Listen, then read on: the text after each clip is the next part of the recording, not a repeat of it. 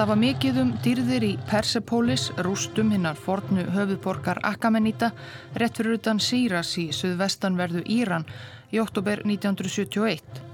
Mörg hundruð mektarmenni, írönsk og erlend, höfðu þar sapnað saman að því tilefni að það voru víst 2500 ár síðan Kýros Mikli lagði grunninn að fyrsta persneska heimsveldinu, veldi Akamenita og þó svo að persaveldi hefði vissulega farið í gegnum nokkuð miklar breytingar á þessum langa tíma vildi Sjáin eða keisari nútíma Írans til 30 ára, Mohamed Reza Pahlavi, meina að hann væri arftaki hins mikla kýrósar og hann vildi að afrekum forvera hans kýrósarirði minnst á ógleimanlegan hátt með stórkostlegu sjónarspili sem myndi fanga aðtegli allrar heimsbyðarinnar.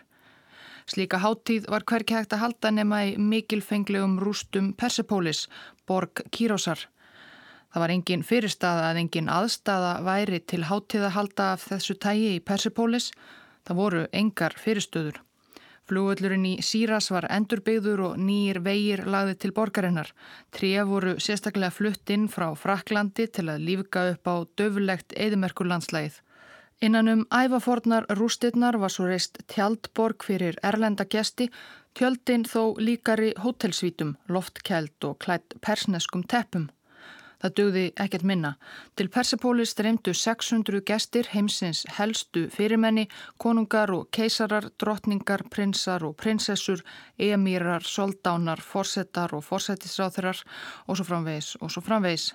Háttíðahöldin stóðu í fjóra daga. Fyrsta kvöldið var sex tíma langur hátíðarkvöldverður. Franskir matargerðarmeistarar reyttu fram steiktan páfugl, gæsalifur, humar, trufflur og kaviarfyllt kornhænuegg meðal annars og með þessu teguðu gestinnir ótal flöskur af kampavinni. Herlegheitin kostuðu líklega meira en 100 miljón dollara en það var stránglega bannað að tala um verðmiðan. Þetta var það minsta sem við gáttum gert fyrir gestin okkar, sagði keisarinn síðar í viðtali. Your Majesty, there are some people who feel that Iran should not be spending millions of dollars on this celebration. How do you answer these critics and why do you think it was important to have this celebration? This is the least that we could do for such a gathering. Dæin eftir fylgdust gestirnir svo með magnaðri skrúgöngu gegnum rústirnar marsiruð þúsundir hermenna í litskruðum búningum og áttu að tákna allan þann fjölda konungsætta í 2500 ára sögu Persíu frá skeggjuðum og kupplklætum akkamenítum og allt fram til nútíma hermanna Íranskeisara. Mörg þúsund ára saga Írans marsiraði framhjá en það voru fáir Íranar meðal áhrifenda fyrir utan keisaran Vegna allra þeirra stórmerkilegu tignu gesta var almennum íraunskum borgurum meinaður aðgangur af örgisástæðum. Þeim var það nægi að fylgjast með í sjónvarpi. En það voru hátíðahöldin svo sem kannski aldrei hugsuð fyrir Írana sjálfa, bara til þess að heitla útlensk fyrirmenni og sína ríkidæmi Muhammed Reza keisara að Íran væri og hefði alltaf verið stórveldi í 2500 ár. Í fremstu röð við hlið Írans keisara satt Haile Selassie, keisari Eþjópíu, 79 ára gamall og hafi settið á valdastóli meira en 40 ár. Eþjópíska keisaradæmið rekur sögu sína aftur til tíundu aldar fyrir Krist. Hann og Muhammed Reza Pahlavi fóru fyrir tveimur af eldstu konungsdæmum sögunar, staðrind sem fór tæpast fram hjá þeim sjálfum, eftir vil skáluðu þeir fyrir eilíðinni þeirra eigin og keisaradæmana. En hvorur þeirra var þó eilífur á innan við áratugi frá þessum dýrðardögum í Persepolis 1971 var báðum stift af stóli og keisardæmi þeirra heyrðu sögunni til. Kommunískir hermenn tóku völdin í Eþjópíu árið 1974. Haile Selassie lést í haldi þeirra árið eftir. Fyrir Muhammed Reza Pahlavi í Írans keisara kom endurinn svo átta árum eftir veistluna miklu.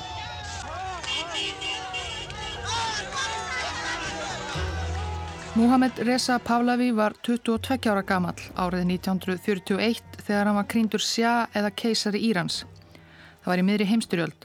Íran hafi líst yfir hlutleysi en eftir innrás Þískalands í Sovjetríkin fóru bandamenn að óttast að þáverandi Íranskeisari Reza Pahlavi geti snúist á sveif með þjóðverjum og lokað á mikilvæga óljuflutninga í gegnum landsitt. Breitland og Sovjetríkin réðust í inn í Íran og neittu Reza keisara frá völdum. Í stað þess settu þeir á valdastól són hans ungan, Mohamed Reza. Aðalega vegna þess að engin betri kandidat fannst, fáum þótti pilturinn sérstaklega keisaralegur, þetta var kvensamur og hjekumlegur glöngósi. Hann var heldur ekki af mikilli konungsætt. Fadir hans Reza hafi verið óbreyttur herfóringi sem fór fyrir valdaráni gegn hennu aldur nýgna veldi Kajar konungsættarinnar 1923 á ólgutímum sem fóru í höndi í Íran eftir rúsnesku byltinguna þegar Sovjetríkin og Breitland bytust lengt og ljóst um áhrif í þessu ólju auðuga landi. Með Kajarana á bak og burt hafði Reza svo útnemt sjálfan sig keisara Hann naut fyrstum sinn stuðningsbreyta en síðan gerðist hann afhuga bæði þeim og rúsum og fór að rekta viðskipti og tengsl við Þískaland á síðari árum, nokkuð sem varð honum sumsi að falli. Samkvæmt stjórnarskrá Írans deildi nýji keisarin Mohamed Reza völdum með þingi og ríkistjórn, stopnanir sem voru þó ekki alltaf sammála keisaranum. Líðræði sinnar á þingi voru háværir og þeir sem vildu minka afskipti erlendra stórvelda af íraunskum málum. Mikið vald keisarans sem vesturveldin höfðu komið fyrir á valdastól var þyrnir í augum þeirra.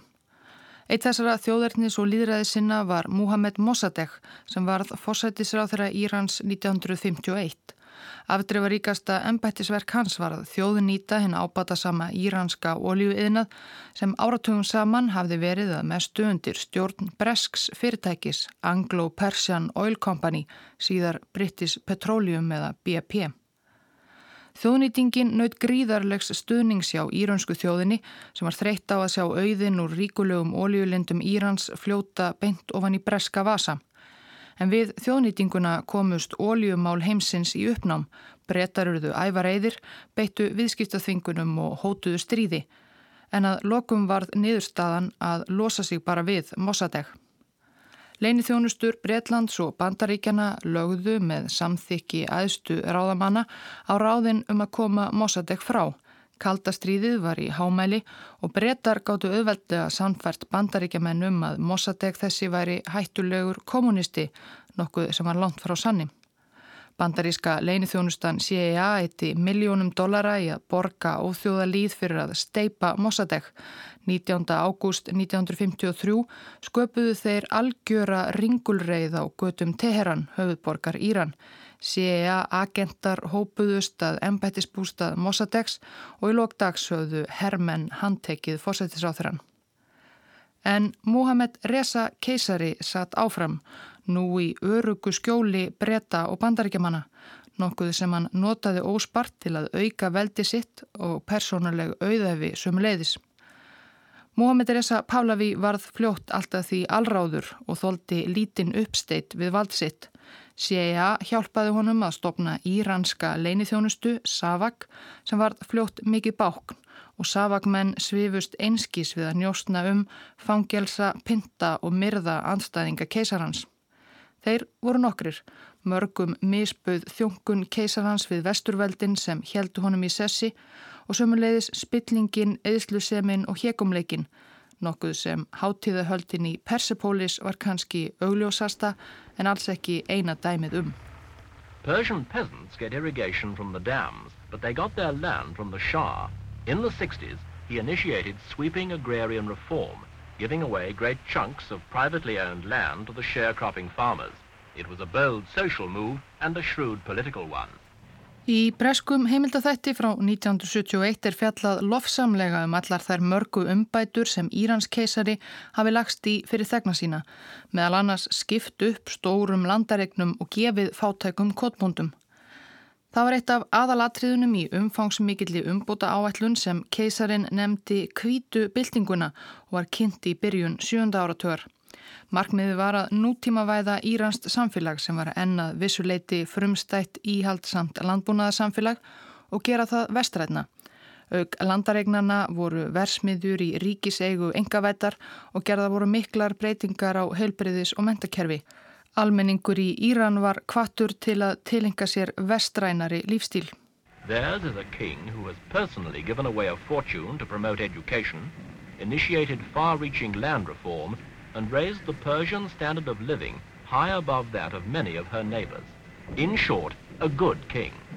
Góður konungur, sagði heimildathætti breska ríkisútarsins.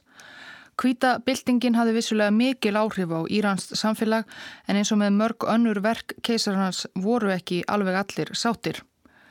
Íranska þjóðin hefur að mestu játað Íslams trú síðan múslimar lögðu undir sig persneska sassanítaveldið á sjöönduöld Á 15. öld varð síja grein Íslams að ríkistrú og þá fór smátt og smátt að byggjast upp fjölmenn og valdamikil stjett múslimaklerka og trúsbygginga.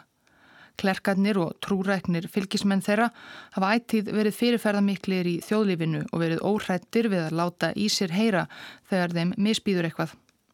Það sást strax 1890 þegar klerkar letu uppreist gegn Katjara keisaranum Nasir al-Din sem hafi selgt bretan okkur um 50 ára engaleifi á allri tópaksverslun í Persju.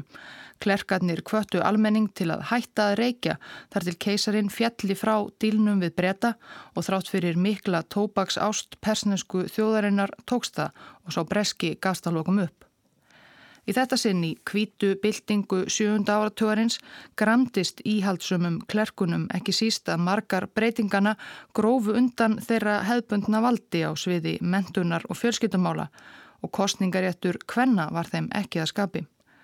Þá voru margir klerkana sjálfur af gamalgrónum landeiganda fjölskyldum sem fóru ekki allar vel út úr breytingunum. Nú minguðu tekjur klerkana af landaregnum sem hafðu haldið þeim og trúarlegum stofnunum þeirra uppi. Eitt sá fremsti meðal andstæðinga kvítubildingarinnar var vinsætl og virtur íhaldsamur kennari við trúarskóla í Helguborginni Kom, Rúholla Khomeini. Hann var um 60, fættur 1902 og hafi lagt stund á íslömsk fræði frá nýju ára aldri. Khomeini blöskraði kvítabildingin um leið og keisarin lagði áætlum sína fram í janúar 1963. Hann bóði til funda áhrifamikill að klerka og beindi spjótum sínum gegn keisaranum í predikunum. Sakaði hann um að grafa undan Íranska ríkinu, að vanvirða stjórnarskrá og um þjóngun við bandaríkin Breta og Ísrael.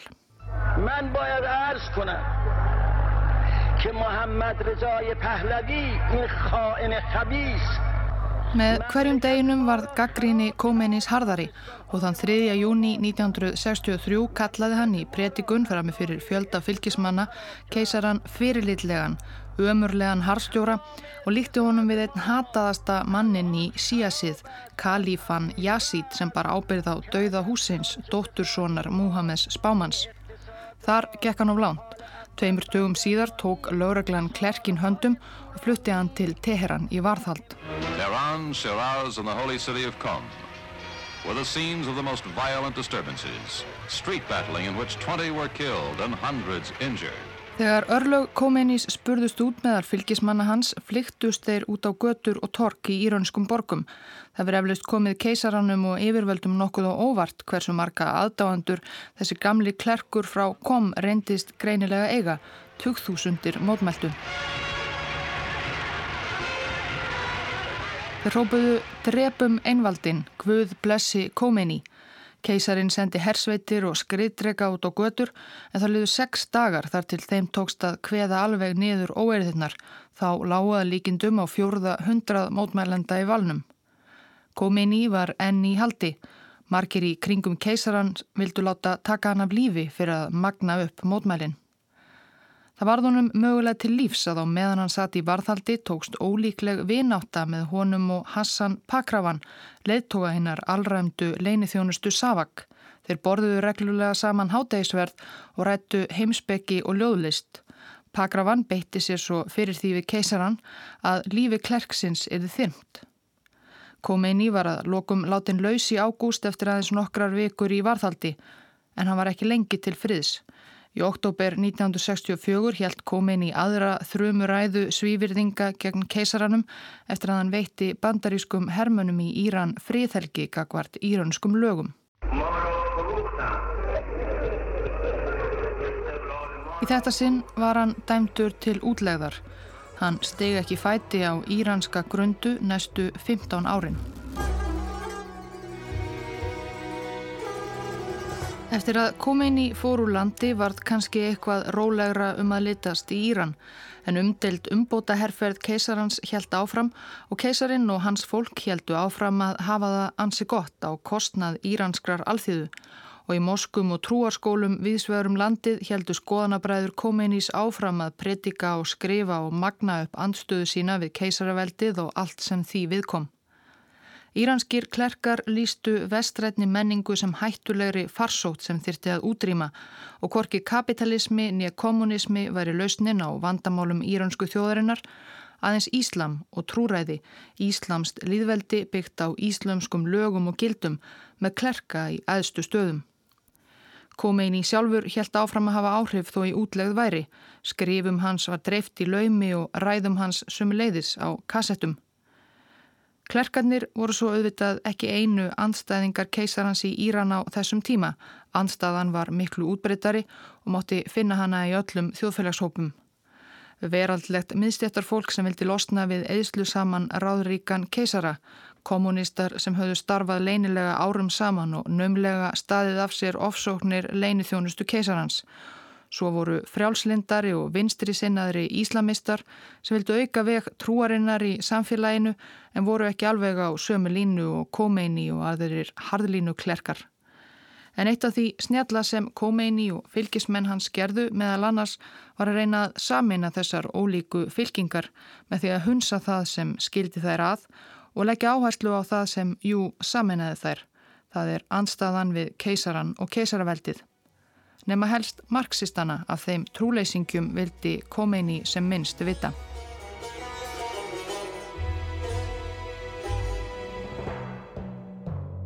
Þannig að þó það væri kannski rólegra á yfirborðinu í Íran næstu árin þá kröymaði þessi óunæja undir niðri.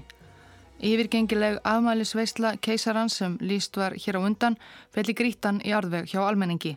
Þó það væri bannað að tala um kostnaðin við herlegheitin duldist engum að hann hafi verið ærin, að kongafólk og útlendu fyrirmenni hefðu setið og gúfað í sig gæsalifur og kampavín og meðan alþýðan í fátæku þorpunum í nágræni Persipólisrústa hafði það skýtt.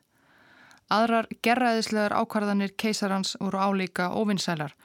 Árið 1976 ákvaðan upp úr þurru að Íran myndi hætta að styðja við íslamska tímatalið sem miðast við flótta spámannsins frá Mekka til Medínu árið 622 og taka þessi stað upp tímatal sem miðaðist við það hvenar átrúnaðargoð keisarans, Kýros Mikli, var kríndur. Á einni nóttu breyttist ártalið í landinu því úr 1355 í 2535. Í oktober 1973, samkvæmt okkar tímatali, settu arabísku oljuframleiðsluríkin viðskiptabann á Vesturlönd vegna stuðnings þeirra við Ísraela í Jom Kippur stríðinu sem þá stóð sem hæst. Oljuverð fór upp í hæstu hæðir. Olja var og er helsta útflutningsafurð Írans og íranska þjóðin hefði því aldeilis átt að maka krókin. En það gerðist ekki. Nei, í staðin rann ævintýralegur ólíuauðurinn að mestu í vasa keisarans, fjölskyldu hans og vildarvinna og til ímissa gæluverkefna þeirra. Alþýðan fekk að sitja hjá og fylgjast með verðbólgu rjúka upp og gílinu millir ríkra og fátækra írana gliðna.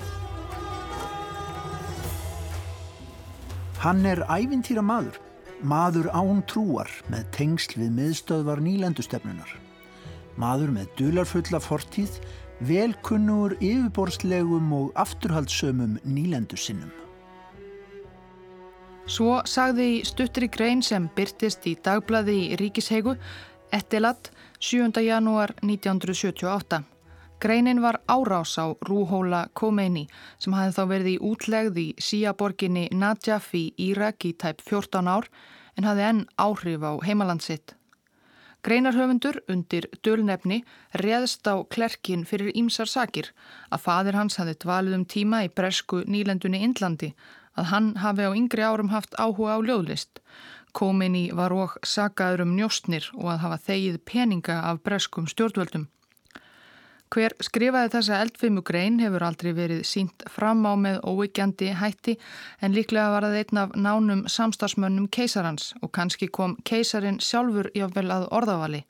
En við vitum að stuðningsmenn Komeinis tóku ekki vel í þessar aðdráttanir og móganir. Sama dag og ettilat kom út mótmæltu mörg hundruð guðfæðrið nemar í Kom, borginni þar sem Komeini hafði lengst haldið til. Þeim var heitt í hamsi og fljótt kom til átaka milli stúdentana og lauruglu. Það fer tvennum sögum af því hversu margir nemar fjallu yfir völdsögðu tveir en mótmælendur sjálfur 70. Allavega hafi blóði verið spilt í mótmælum gegn keisaranum, ekki í fyrsta sinn en þetta er því afdreifaríkt. 18. februar 1978 voru 40 dagar liðnir frá byrtingu greinarinnar í Ettelat og mótmælum stúdentana í kom. Það voru haldnar að síja íslömskum síð minningaratafnir um þá látnu. Í tengslum við atafnirnar brutust svo út mótmæli og óerðir í mörgum borgum og bæjum. Mótmælendur réðust á ofinbera stopnarnir, kveiktu í böngum og lörglustöðum. Í þetta sinn var keisariherrin kvattur út til að stilla til friðar og fleiri fjallu og 40 dögum síðar voru því haldnar minningaratafnir um þá með sömu afleiðingum og svo koll af kolli. Mótmæla Alda var komin af stað.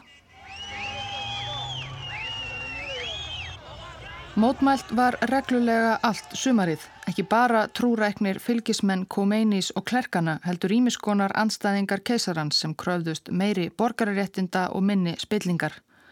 Þegar leið á sumarið hafði minkað mannfjöldin sem mótmælti reglulega í íraunskum borgum niður í nokkur þúsund manns í hvert sinn. Slagkrafturinn virtist farin úr mótmælarhefingunni. Írans spekingar bandarísku leinithjónustunnar litu yfir sviðið og mátu sem svo að þó að ástandið hefði verið óútreiknarlegt fyrra árinu væri hættan fyrir keisaran þeirra mann liðin hjá.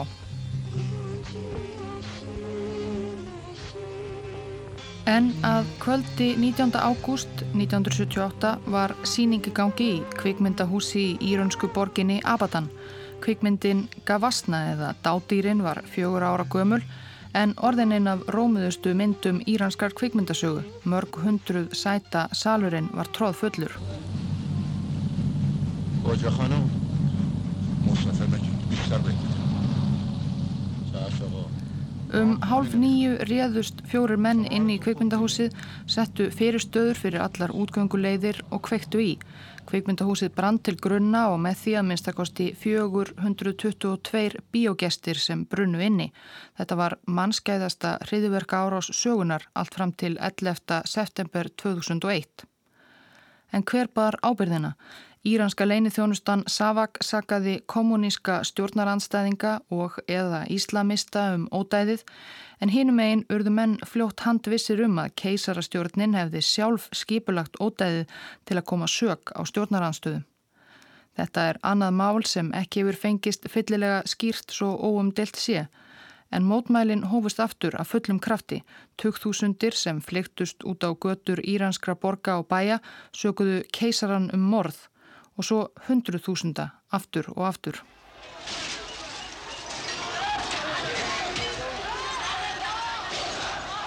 Samkvæmt lýsingum innan úr hirð Mohamed Reza Pavlavi Írans keisara á þessum tíma virtist hann verða alveg ráðalauðs kakvart sívaksandi fjölda mótmælenda. Hann gat með engumóti myndað sér stefnu, klukkustundum saman starði hann út um glukkan og ansaði varla þegar yrt var á hann. Í mesta lagi rumdi hann eitthvað. Hann var þunglindur og það sem fáur vissu var að hann var líka að deyja úr krabbamenni.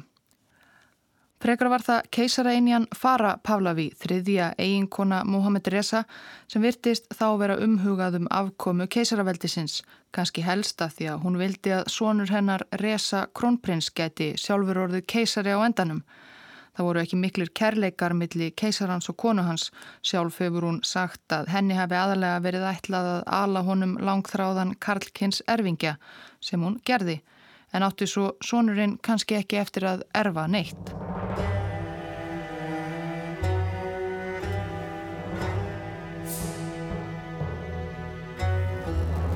Eftir mikið hum og ha komst keisarin að lokum á þá skoðun að best væri að reyna að verða við kröfum mótmælenda eftir fremsta megni, þó ekki þeim kröfum sem snýru að því að hann sjálfur leti að völdum eða leti jáfnvel lífið. Hann hafði þá verið meðal annars beittur þrýstingi af Jimmy Carter, bandaríkjaforsetta og ímsum alþjóðasamtökum. Í september byrjun skipaði Mohamed Reza nýjan fórsættisráþurra og honum var falið að ráðast í umfangsmiklar aðgerðir sem voru í líkingu við kvítubildinguna forðum. Pólitískir fangar voru látnir lausir, bannaðir stjórnmálaflokkar leifðir að nýju, dreyið var úr völdum hinnar hötuðu leinilauruglu Savak og til að sefa harlinuklerkana voru bannaðar stopnanir á borðið spilavíti og næturklúpa sem þeir álitu dæmi um vestræna síðspillingu og hægt var að nota tímatalið sem miðaðist við valdatöku kýrósar mikla og svo framvegis. En allt kom fyrir ekki, aukið fjölmiðla og stjórnmálafrelsi varð bara til þess að kinda eldin en frekar.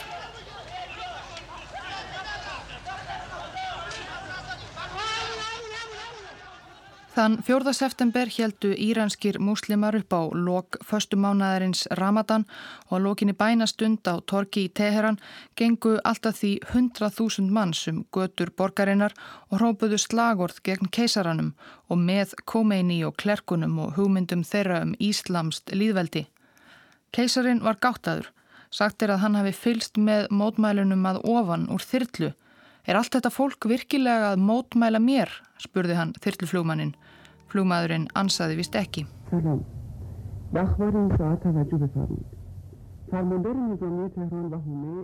8. september tilkynnti íranska ríkisútvarpið að herrlög væru í gildi í Teheran og 11 borgum til viðbótar, allir fjöldafundir bannaðir og algjört útgöngubann að kvöldi.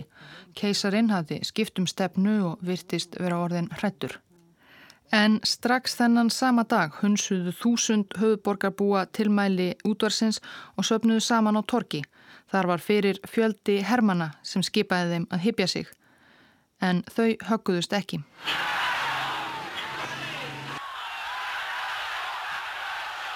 Það er margt sem við vitum ekki um atbyrðina á torkinu í Teheran þennan dag en af einhverjum ástöðum hófu hermennir skotríð inn í fjöldan. Það var blóðbað og fjölmargir fjallu.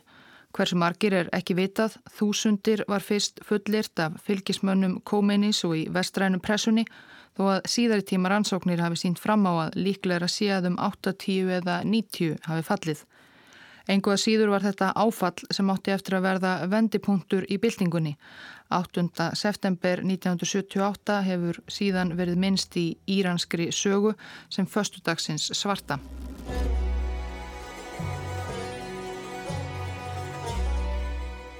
Næstu daga fóru verkamenn í oljuvinnslu stöðum viðsvegarum landið að leggja niður störf. Sumleðis ríkistarsmenn og í lok oktober var líst yfir allserjar verkvalli og verkamenn úr nær öllum stjettum þjóðlífsins löðu niður störf. Blóðbæðið á torkinu hafi lagst þungt á Mohamed Reza keisara og nú vild hann taka öðruvísi á málum. Hann gerði enga tilurinn til að banna eða koma í veg fyrir verkvöldin, heldur veitti þessi stað verkvælsmönnum kaupækkanir og önnur fríðindi í vonum að tæla þá aftur til vinnu. Allt kom þó fyrir ekki og þessu stígi málsins voru margir í kringum keisaran farnir að hvetjan til að taka harðar á málum. Linkindin var augljóslega ekki að virka. Á meðan allt þetta átti sér stað var einn helsti leðtogi stjórnaranstöðunar, Rúhóla Khomeini, áfram í útlegðsynni í Najaf í Írak þar sem hann gatt verið að mestu óáreittur. Þanga til í oktober 1978. Írans keisari þrýsti þá á Saddam Hussein einræðisherra í Írak að reka Khomeini úr landi. Khomeini hafði huga á því að fara þá til Sýrlands, annars Arabalands með fjölda síamúslima en aðstofamönnum hans fannst það ekki ráðlegt, svo nærri Íran geti keisarin enn fylst með eða haft afskipti af honum. Þannig var það á endanum að Khomeini sóti um og fekk politist hæli í Fraklandi. Þann 8. oktober var hann farin að koma sér fyrir í útkverfi Parísar í húsi sem Íranar búsettir í borginni útvöðu honum. Erlendir fjölmiðlar höfðu fylst með mótmælunum í Íran undanfarið ár en fókusinn hafi sjaldan verið á Khomeini sjálfan, frekar keisaran og vandræði hans. Nú þegar Khomeini var komin til Evrópu varð breyting þar á. Klerkurinn orðin 76 ára ætið klættur í svartan köpl með turban, með sítt skegg og þungur á brún vakti forvitni margra og hann var upp frá þessu ótt og títt í sjónvars og bladaviðtölum eða gefandi frá sér yfirlýsingar. Nú þurfti hann heldur ekki að reyða sig á óáreðanlegt fjarskiptasambandi í Írak til að hafa samskipti við fylgismenn sína heima í eldlínunni í Íran. Nú gæti hann verið í daglegu sambandi.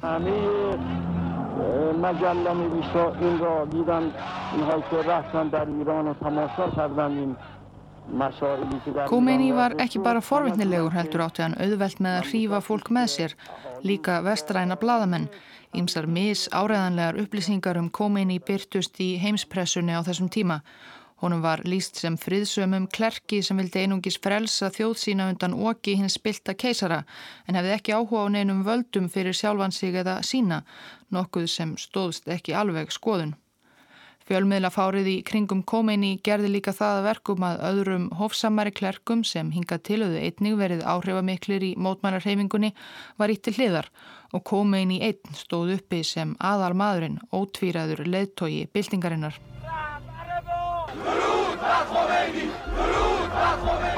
Fjöldamótmælinn heldu áfram og haustið 1978 varðað vetri. Stúdendar lögðu undir sig háskólan í Teheran. Lörgla og herr heldu sig nú að mestu til hljés, jáfnvel þegar ungir og æstir óerðaseggir meðal mótmælenda gengu bersesgangum höfuborgina, kveiktu í eða letu greipar sópa um lörglustöðvar og opimberar byggingar, verslunamiðstöðvar og bíóhús. Höfuborgin stóði ljósum logum. 7. november ávarpaði keisarin þjóðsína í sjómarpi. Milleti azizi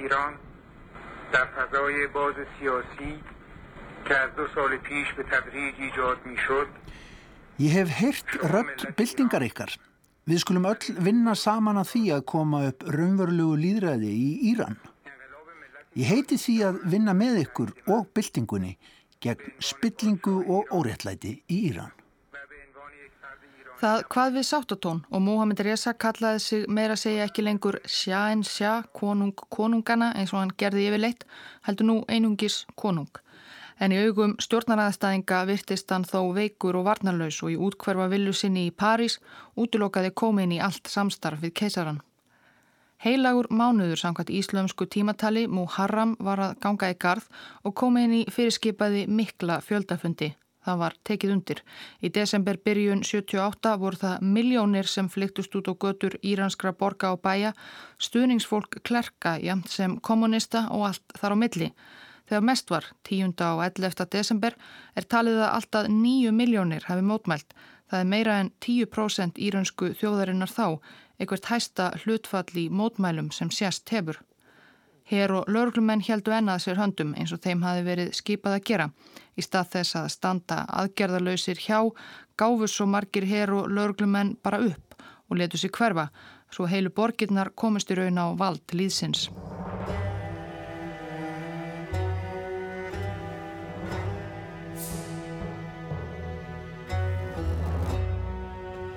Bandaríkjaman voru komnir á þá skoðun að dagar keisarans veru taldir. Pólitíst vissulega og svo reyndar einnig almennt því hann var í orðin fársjúkur á krabbamenni. Sendi herra bandaríkina í Íran stakku upp á því við Carter Forsetta að hann kæmi að því að mynda samsteipu stjórn vinnuveittra herfóringja, millistéttar fólks, hófsamra klerka með kómeini sem andlegan leðtoga, eh, einhvers konar Gandhi. Þetta var umdild tillega í Washington. Sumir vildu skipuleikja annað valdarán en aðrir voru á þeirri línu að nöðsynlegt væri að vinna beint með komeini og byltingamönnum. Var hann ekki mennlaus þessi klerkur? Talaði hann ekki bara um Íslamst liðræði? Og Muhammed Reza Pavlavi, keisari Írans frá 1941, var eiginlega búinn að gefast upp þarna. Allir virtust verið að yfirgefa hann, herin, vestrænir, vinir og hann sjálfur við dauðan styr. Eftir nokkura vikna róstu samt umhugsunartímabil skipaði hann einn af leðtógum frjálslindra þjóðarni sinnaðara stjórnaranstæðinga í ennbætti fórsættisáð þeirra Sjapúr Baktjar. Hann sór ennbættis eið 16. janúar 1979 og þann sama dag steig Muhammed Reza Pavlavi Tárvotur um borði flugvél með fjörskildu sinni. Ferðinni var heitið til Egiptalands í útlegð sem hann sneri aldrei aftur úr.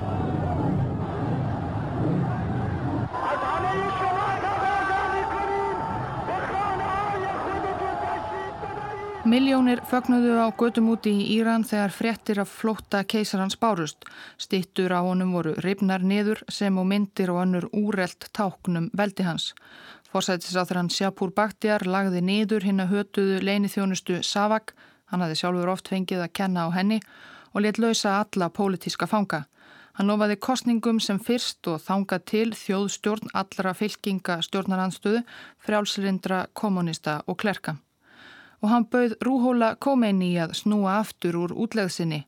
Það er mér heiður að bjóða hann velkomin, saði fórsættisáþurann og tilkynntu um leið áformum að Borg Khomeinis kom er það eins konar trúarlegu borgríki eins og Vatikanið. And this is the moment that millions in Iran have been waiting for. After his long years in exile, the first hesitant steps of Ayatollah Khomeini on Iranian soil. 1. februar 1979 steg Khomeini út úr Boeing 747 þóttu á flughellinum í Teheran að vanda kuplklættur og þungur á brún, komin heim eftir 15 ára útlegð. Miljónir æstra fylgismanna tóku á móti hinnum mikla byltingarleitua svo margir að bjarga varð klerknum burt af flughellinum í Þyrlu, bílinn sem beigðans var strand í mannfjöldanum. Og einlega það fyrsta sem Khomeini sagði þegar niður á jörðu var komið var að hann ætlaði sér ekki að fylgja áætlunum hins frjálslinda líðræði sinna Sjapúr Baktjar um einhvers konar þjóðstjórn. Það var alls ekki það sem hann hafði predikað öll þessi ár. Hann ætlaði sér að skipa sína eigin stjórn, trúarlega íhaldsama stjórn og til þess hefði hann guðlegt umbóð.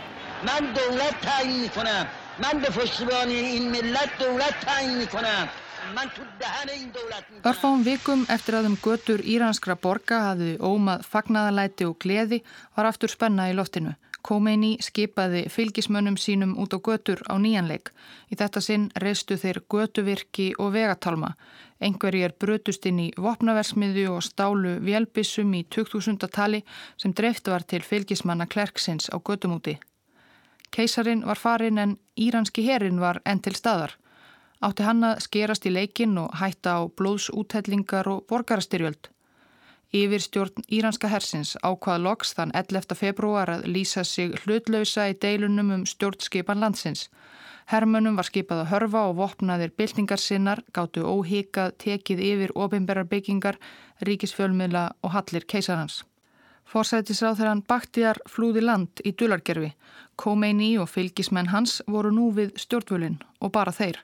11. februar er í dag fagnað sem sigurdegi íslömsku byltingarinnar í Íran. Í mars 79 kusu 98% með stopnun íslamsks líðveldis í Íran í þjóðaratkvæðagreyslu. Ný stjórnarskrá var tekin upp í desember með gjörbreyttu stjórnkerfi, klerkaveldi með Khomeini sjálfan á toppnum. Aðrar fylkingar stjórnaranstæðinga sem höfðu barist af ákjæfð gegn keisaranum og jafnvel stutt Khomeini sem einhvers konar leittóa voru smátt og smátt barðar niður. Samstarsmenn keisarans gamla lendu sérstaklega illa í því. Einn af þeim fyrstu sem tekin var af lífi var Hassan Pagravan, fyrirverandi leðtogi leini þjónustunar Savak sem hafði bjargað lífi Khomeini's á sínum tíma.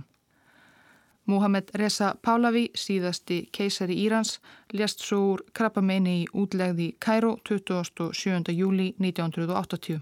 مرغ سهر نال سر کن داغ مرا تازه تر کن. زاه شرر بار این قفص را برشکن و زیراز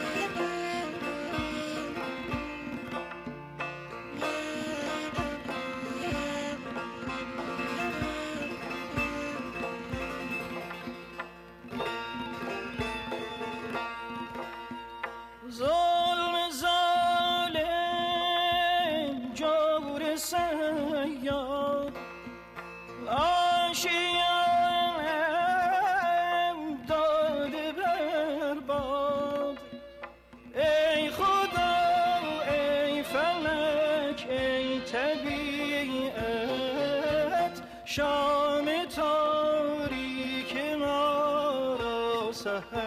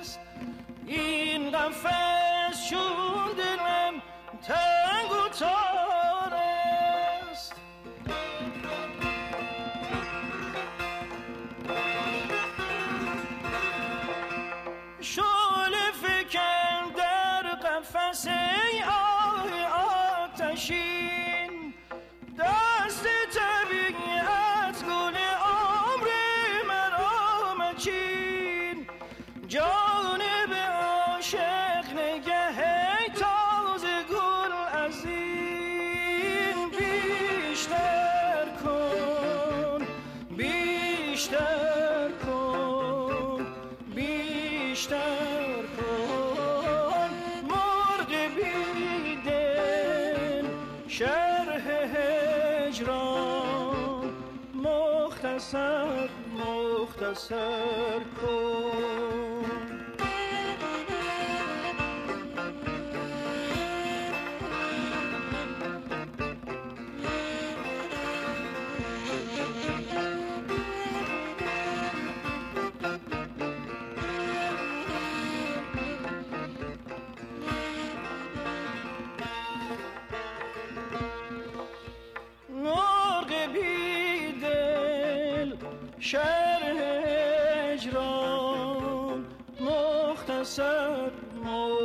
yourself.